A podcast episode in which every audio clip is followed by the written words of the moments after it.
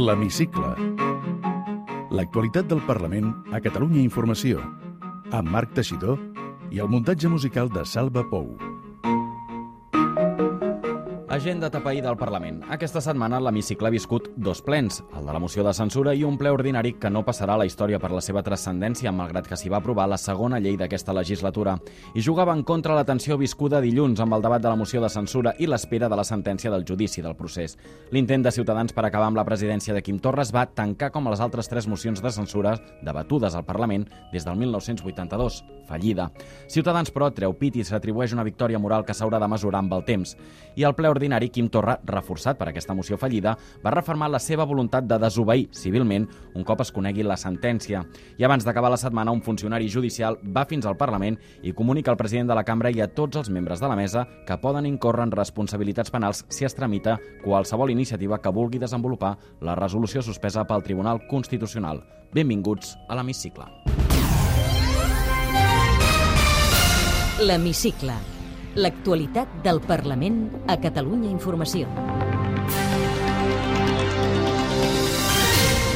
Avui a l'hemicicle us explicarem que Quim Torra guanya la moció de censura i Ciutadans considera que es reforça moralment. Aclaparador rebuig a la moció de Lorena Roldán a la cambra, però amb retrets de l'oposició al govern de Torra. Roldán assegura que se situa al costat correcte de la història i tensiona la relació amb el PSC. Els socialistes es refermen en l'abstenció i defensen la seva voluntat de treballar en una solució real al conflicte entre Catalunya i l'Estat. Quim Torra torna a reivindicar el caràcter pacífic del moviment independentista. Respon a Carlos Carrizosa, de Ciutadans, i reitera el dret a exercir la desobediència civil. El ple aprova la segona llei de la legislatura. Una modificació del Codi Civil català per reconèixer els drets de les persones amb discapacitats sensorials. El Tribunal Constitucional suspèn alguns dels punts aprovats al ple de juliol. I la mesa rep personalment una notificació que signen tots els membres menys els de Junts per Catalunya. Protesta dels periodistes a les portes de l'hemicicle abans de començar el ple. Rebuig a totes les agressions que pateixen els professionals de la comunicació i en defensa de la llibertat d'expressió. I avui ens contestarà una frase del qüestionari de l'hemicicle. Marc Solsona, soc diputat de Junts per Catalunya i també alcalde de Mollerussa. Comencem.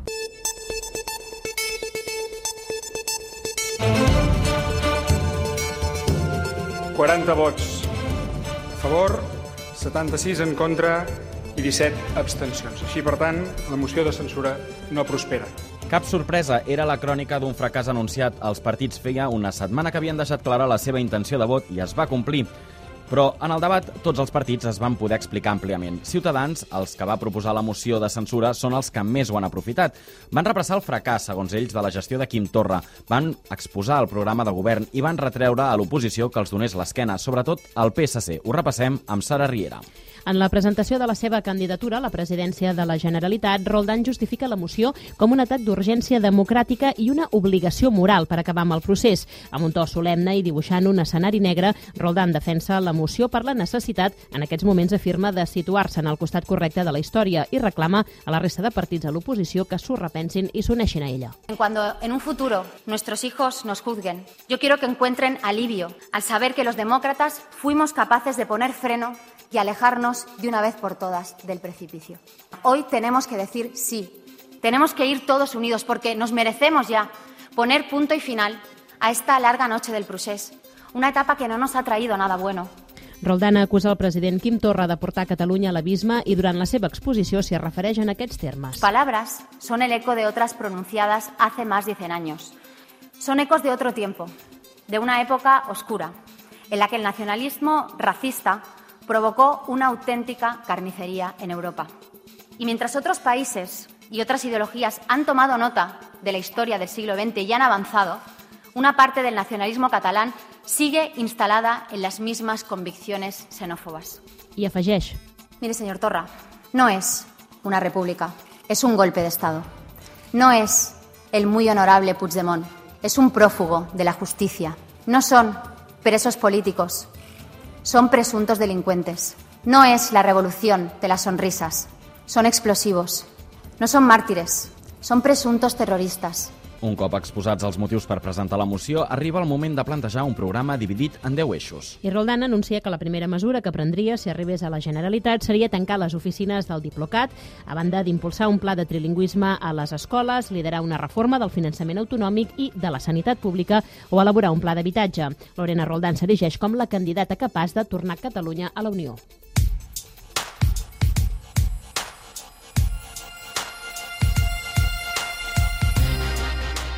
El govern es defensa, però sense escarafalls, intencionadament. Ho fa amb un perfil discret per no amplificar l'estratègia política de Ciutadans. De fet, el president Quim Torra, contra qui es fa la moció, no hi intervé en cap moment. Al matí qui defensa la gestió de l'executiu és la consellera de la presidència i portaveu, Meritxell Budó. I tot i que disposa de mitja hora per exposar els motius pels quals es rebutgen la moció de censura contra el president i, per tant, el seu govern, el discurs no arriba als 10 minuts. Això no és un bar. Això no és un plató de televisió. Això no és un pavelló on fer actes de campanya. Així mai governaran Catalunya. De fet, tothom sap que l'autèntic sufler que es comença a desinflar és el seu. I per això estan actuant ja a la desesperada i de la manera més esperpèntica. Budó aprofita el seu discurs per atacar la política de Ciutadans. Els importa ben poc allò que vulgui i pensi la majoria del poble de Catalunya. Tan sols els interessa repetir i repetir les seves mentides i la seva versió volgudament distorsionada de la realitat de Catalunya. Vostès, els de la Catalunya real, de les zero alcaldies. Finalment, la consellera portaveu mostra el suport de tot el govern en el president de la Generalitat.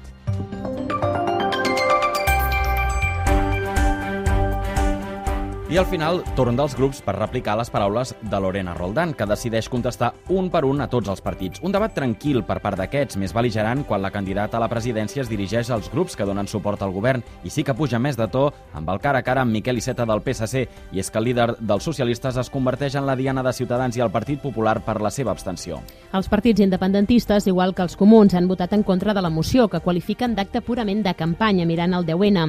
Junts per Catalunya i Esquerra no volen correspondre amb el mateix to per no contribuir a l'espectacle mediàtic diuen que busca Ciutadans. De fet, Sergi Sabrià d'Esquerra i Albert Batet de Junts, en el torn de contrarrèplica, contesten des de l'escó directament que condene explícitamente la violencia de los comandos radicales separatistas y aquellas personas que han escogido la vía de la violencia para conseguir los fines que ustedes defienden. Sempre defensem les vies pacífiques per tirar endavant qualsevol projecte polític. Aguantem que ens acusin constantment de racistes, de xenòfobs, de terroristes... Ara, això no és compatible amb anar dient que parlen pel conjunt de la ciutadania. Parlen només en funció de les seves enquestes. Prou d'equiparar el moment independentisme amb el terrorisme. Amb la CUP el debat no puja de to, però sí els retrets. De fet, Lorena Roldán assegura no esperar res dels copaires i el diputat Vidal Aragonès assegura que darrere de la moció hi ha una operació d'estat per criminalitzar el moviment independentista. Què és el que busca? Ciutadans amb aquesta moció de censura? Doncs miri, hem d'anar a veure què posa el text de la pròpia moció de censura. 20 paràgrafs on es parla de qüestions molt simples. Intentar criminalitzar el president de la Generalitat de Catalunya o criminalitzar el president de la Generalitat de Catalunya, criminalitzar els grups de govern, criminalitzar el conjunt de l'independentista. Que ustedes son coherentes con su trayectoria de estar siempre al lado del mal.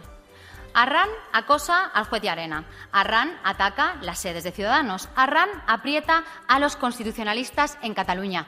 Pues claro, ¿qué íbamos a esperar de los mayores de Arran? Pues esto que hacen hoy, estar al lado de los que apoyan y jalean, ustedes mismos también lo hacen, aquellos que ara mismo pueden acabar condenados por terrorismo. Durant tot el debat, Roldán insisteix a Miquel Iceta que es replantegi el seu vot i passi de l'abstenció al vot a favor. El líder socialista, però, descarta afegir-se a una operació fallida. De fet, recorda que Inés Arrimadas, anterior líder de Ciutadans a Catalunya, descartava la moció perquè els números no li sortien i tot plegat a un to, el 17 enrabiat. Señor Iceta, no estamos juntos porque ustedes no quieren. Y usted decía aquí que es que nosotros eh, no somos de su confianza, para acto seguido coincidir en muchas de las propuestas que hemos presentado aquí. Entonces, ¿cuál es el problema? ¿El problema cuál es? ¿El cálculo partidista, señor Iceta? ¿El problema es que ustedes no soportan que nosotros seamos los líderes de la oposición, que nosotros seamos el primer partido de Cataluña? ¿Ese es el problema? Si vostès no han parlat amb la resta de grups per demanar el suport, per què? Perquè ja l'havien presentat, perquè era la seva moció, la moció de Lorena Roldán, no la moció de la llibertat, ni la moció de la convivència, ni la moció de la concòrdia, la moció de la fracassada Lorena Roldán. Si avui nosaltres li donem els eh, vots a la seva moció, serà igualment fracassada i llavors ens associarà al seu fracàs. No gràcies. Des de la bancada dels comuns que hi voten en contra també acusen Roldán i el grup de Ciutadans de postular-se com a solució, quan en realitat diuen només serien un altre problema. Avui votarem que no a la senyora Roldán, que cada dia agita l'odi amb unes declaracions més incendiàries. Jo, de fet, a la senyora Roldán, quan l'escolto, no sé si viu a Matrix, viu a Catalunya o viu a una pel·lícula de Tarantino. Usted ha preferido hoy atacar al constitucionalismo y ponerse del lado del señor Torra. Hoy, igual que ayer, igual que hacen ustedes, siempre, siempre están del lado de los mismos. I al final, res no canvia i Torra segueix al capdavant del govern, però la imatge a l'hemicicle és insòlita. Tres quartes parts aplaudeix. Ciutadans a la seva líder per la victòria moral que diuen representa la moció i els independentistes al president Quim Torra que guanyen números i en surt reforçat.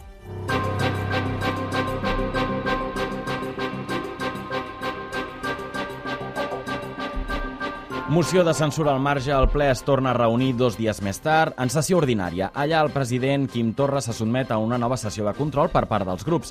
El president defensa el dret a exercir la desobediència civil en la resposta a la sentència del Suprem i diu amb rotunditat que l'independentisme ha estat sempre un moviment pacífic que rebutja la violència. La tensió entre Quim Torra i Ciutadans, que va quedar pendent dilluns a la moció de censura, es trasllada a la sessió de control. Carlos Carrizosa, president del grup parlamentari dels Taronges, no es mou del guió argumental de la moció de censura i Torra li replica en un to contundent, condemnant la violència i defensant el dret a exercir la desobediència civil. Usted es de los que dice a los CDRs apreteu, apreteu y al final ellos obedecen.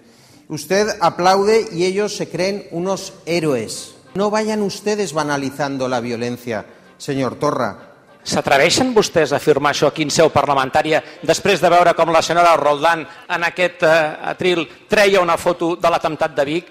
Allò sí que és banalitzar la violència. Allò sí que és banalitzar la violència. Tots els independentistes hem rebutjat la violència, tots. Perquè és un moviment pacífic, és un moviment democràtic, és un moviment pacífic, democràtic, no violent. I ara és possible que utilitzi la desobediència civil. Clar que sí, que també és un dret que també és un dret.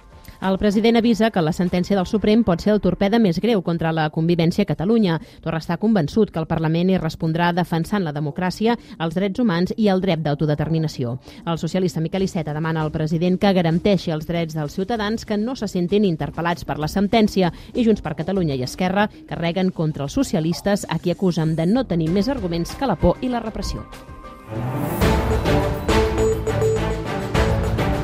El ple del Parlament aprova per unanimitat el projecte de llei per modificar el Codi Civil. És la segona llei que s'aprova aquesta legislatura. En concret, la modificació aprovada garanteix la igualtat de drets i la no discriminació de les persones amb discapacitat sensorial. La modificació del Codi Civil situa les persones amb discapacitat sensorial, temporal o permanent en igualtat de condicions, diu textualment, respecte a la resta a l'hora d'atorgar un testament davant notari i, a més, el reconeix com a testimoni si cal en l'acte d'atorgament del testament per una altra persona.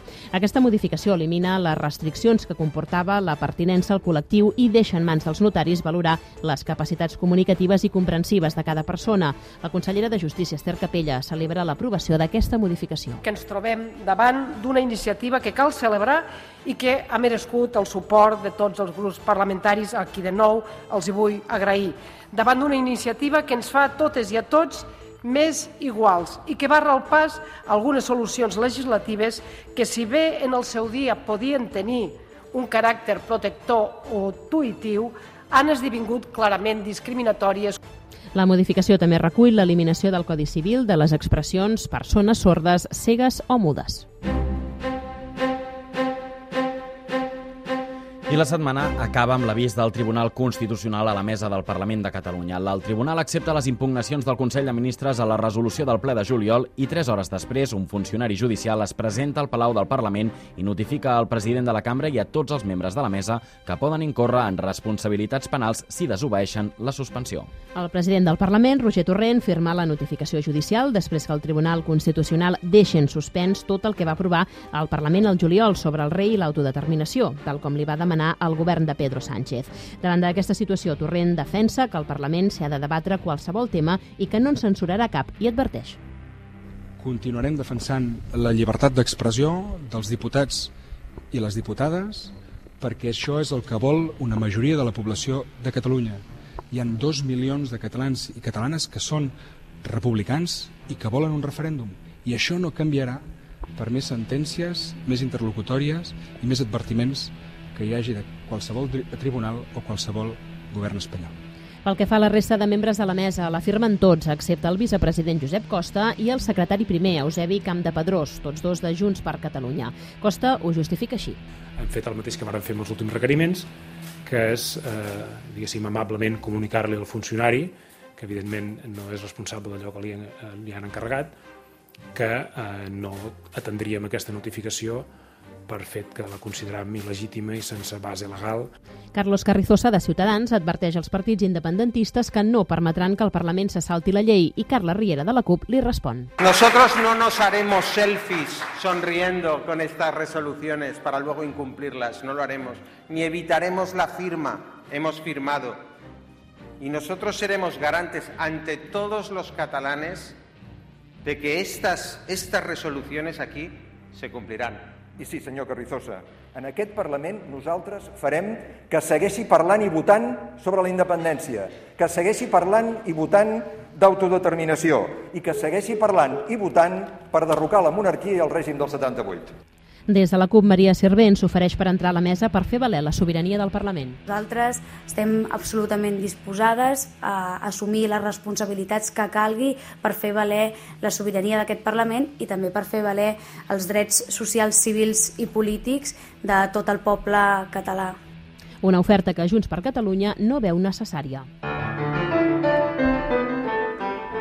I aquesta setmana els periodistes han estat malauradament notícia al Parlament. Els professionals de la comunicació van fer una asseguda a les portes de l'hemicicle per evidenciar el malestar i el rebuig per les agressions que pateixen mentre treballen des de fa temps i defensar la llibertat d'expressió.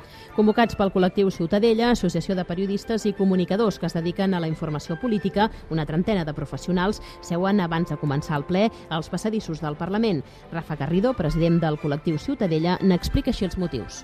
El seu compromís, primer, en la contundència, en la condemna dels actes que hi ha hagut i si hi ha algun de nou, eh, sigui del partit que sigui, hi hagi la manifestació que hi hagi i es treballi en el mitjà que es treballi.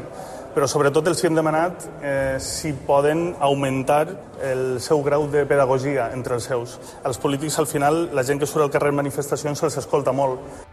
El mateix president de la Generalitat, Quim Torra, el president del Parlament, Roger Torrent, i representants de tots els grups parlamentaris se solidaritzen amb el col·lectiu de periodistes i es comprometen a fer més pedagogia. Moment ara de l'entrevista a l'hemicicle.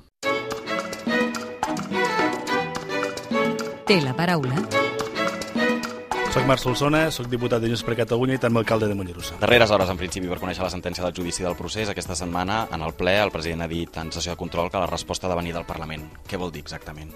Bueno, sempre estem dient que hi ha d'haver una resposta, diguem-ne, dual. Una que ha de ser institucional i l'altra que ha d'estar en el carrer. Això vol dir que el Parlament de Catalunya, com a, com a Parlament i lloc sobirà doncs ha de poder també decidir manifestar la, la, la seva opinió davant d'una sentència si existeix injusta, eh, quan altres considerem que no n'hauria cap, que hauria de ser absolució.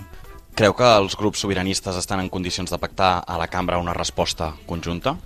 Jo crec que hauria de ser possible en qualsevol cas la ciutadania no ens permetria que no ho féssim d'aquesta manera. Per tant, màxima exigència per a la unitat amb una resposta unitària i transversal en aquest sentit. I al carrer, quina ha de ser aquesta resposta? Desobediència civil però també institucional, tenint en compte que aquesta setmana el Tribunal Constitucional ha notificat als membres de la mesa del Parlament que poden incórrer en responsabilitats penals si desobeeixen la suspensió de les resolucions del ple del juliol. Un altre cop, eh, amenaces eh, ja no velades, aquí no s'amagui ningú de res, per tant, la resposta en el carrer doncs, serà la que la gent vulgui que sigui. En qualsevol cas, nosaltres hem de tenir responsabilitat no en el carrer, directament al KCF, sinó en poder donar una resposta institucional a tots els efectes. Per tant, aquí intentar anar coordinats i que la sigui suficientment potent tot plegat com perquè, bueno, perquè realment cali en la, en la ciutadania que estem tots a una amb aquesta reivindicació de defensa dels drets i llibertats davant d'una sentència que sembla que serà que no serà justa. I què vol dir desobediència institucional? No, jo no he dit desobediència, he dit resposta institucional unitària i transversal, que vol dir fer front comú doncs, per articular una resposta que estigui a l'alçada a la que la gent i el carrer segurament ens demanarà. I els ajuntaments, vostè a banda de diputat és alcalde, quin paper juguen en aquesta resposta? Els ajuntaments també som institucions i som la primera institució que estem en contacte amb el ciutadà, per tant també haurem de fer una resposta també unitària a nivell municipal al màxim possible, no? I si s'està treballant. I al marge de la resposta, si la sentència acaba sent condemnatòria, indult, amnistia, quin ha de ser el, el camí a seguir? Bé, jo penso que una de les coses que el procés diguem ens ha anat fent és que hem anat fent també, hem anat explicant sempre el que farem abans de que passin les coses i per tant a vegades ens pot agafar inclús el peu canviant. No? I em sembla que davant d'una resposta que sigui condemnatòria eh, ha de ser, i per tant que no és l'absolució, el que ha de ser és lluitar lògicament per aconseguir que aquesta gent surtin de la presó, lògicament, els nostres companys, perquè aquí el que reclama és l'amnistia, perquè és, és el reconeixement que l'Estat reconegui doncs, que estan condemnats injustament. Cal un segon referèndum? Cal que el poble de Catalunya no deixi passar cap oportunitat per poder manifestar la seva voluntat de ser lliure. I votar és una bona manera de fer-ho. De fet, és la millor. Respongui'm amb una paraula o amb una frase, si pot, aquestes qüestions. Amb la crisi climàtica cal? Cal compromís. La pobresa energètica és? És una realitat crua i dura que hem de dar resposta. Quina llei li agradaria aprovar? Bueno, primer una que no estigués suspesa cada vegada que en fem una, que això estaria bé per començar, però la llei electoral pròpia estaria molt bé. Per què ha decidit dedicar-se a la política? Es diu sempre per vocació de servei, però és que en el meu cas és perquè realment hi ha una voluntat de, de, de participar activament i ser protagonista de la realitat del meu poble i del meu país. Alcalde, diputat, es veu in... sent candidat a la presidència de la Generalitat? Home, ara mateix, ara mateix no. Però en qualsevol cas a Catalunya només pot ser president aquell que és diputat quan deixi la política, què es dedicarà? Doncs suposo que després d'un temps en política tornaré a l'empresa privada o hi miraré de fer algun negoci propi. Fa autocrítica? Sempre. Té una vocació frustrada? No, jo em sento bastant realitzat amb el que faig en el meu dia a dia, la veritat. Té mútua o va a la salut pública? Salut pública. Pis de lloguer o de propietat? De propietat. Una música que l'identifiqui? El rock and roll, Paisatge favorit? El Pla de Lleida. Quin estil literari és més agraït per llegir? Novel·la, si pot ser novel·la històrica, millor. Amb què es posa content? Uh, amb, amb el somriure dels meus fills. I què li fa por? Doncs fallar a la gent que més estimo. Amb quin diputat o diputada d'un altre partit té pendent fer un cafè? Oficialment amb ningú, però si n'hagués de demanar algú m'agradaria fer-lo doncs, amb el Vidal Aragonès de la CUP. Completi la frase. El que més m'agradaria eh, viure en un estat propi, independent. Moltes gràcies.